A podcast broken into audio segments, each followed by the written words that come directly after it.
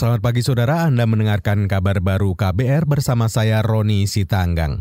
Empat menteri di kabinet saat ini diperkirakan akan bertahan. Pengamat politik Jayadi Hanan menyebut Menteri Pekerjaan Umum dan Perumahan Rakyat, Menteri Keuangan, Menteri Kelautan dan Perikanan, serta Menteri Perencanaan Pembangunan Nasional Bapenas akan bertahan. Kinerja para menteri itu dibutuhkan Jokowi untuk mewujudkan agenda prioritas lima tahun mendatang ini saatnya bergerak cepat kan Pak Jokowi mau gerak cepat mau menteri-menteri yang eksekusi gitu. Ya menteri-menteri yang sudah sangat senior akan diberi peran lebih ke penasihat-penasihat gitu, tidak lagi eksekusi. Menteri seperti Sri Mulyani Susi Pujiastuti kemudian Bambang Brojonegoro Pak Basuki ya itu mungkin di antara kandidat yang mungkin dipertahankan. Pengamat politik Jayari Hanan menyarankan Menko Polhukam Wiranto dan Menko Maritim Luhut Binsar Panjaitan sebaiknya menjadi penasihat presiden saja daripada menjadi menteri.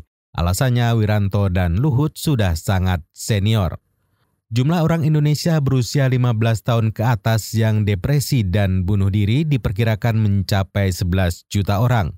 Menurut anggota Perkumpulan Dokter Spesialis Kedokteran Jiwa Indonesia, Teddy Hidayat, kesimpulan itu merupakan hasil riset kesehatan dasar Riskesda Kementerian Kesehatan tahun lalu.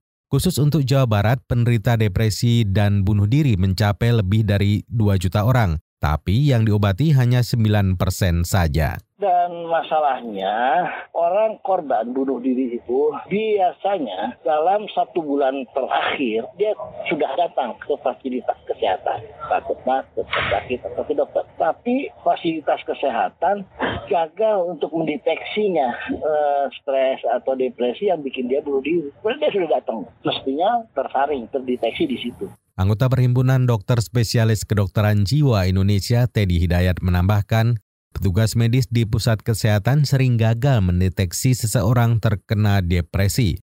Hal itu karena minimnya fasilitas pemeriksaan kejiwaan di puskesmas maupun rumah sakit. Di Bandung saja fasilitas pemeriksaan untuk gangguan kejiwaan hanya dimiliki segelintir fasilitas kesehatan saja. Komisi Pemberantasan Korupsi KPK menggeledah 13 lokasi di Lampung Utara terkait kasus suap yang menjerat bupati. Agung Ilmu Mangkunegara.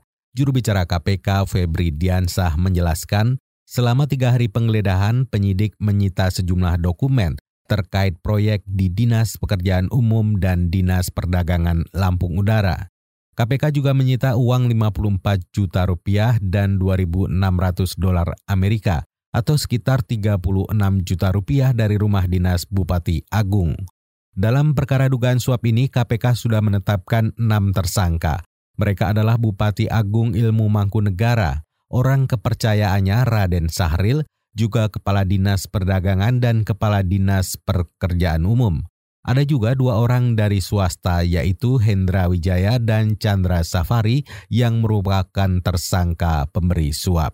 Saudara informasi tadi mengakhiri kabar baru KBR. Saya Roni Sitanggang, sampai jumpa.